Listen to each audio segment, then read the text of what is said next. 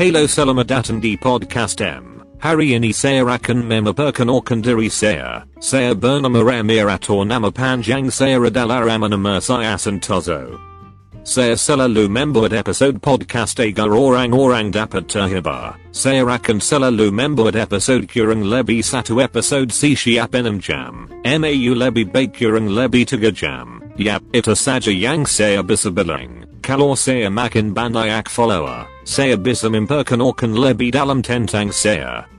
Sekian terima kasih podcast perkenalan.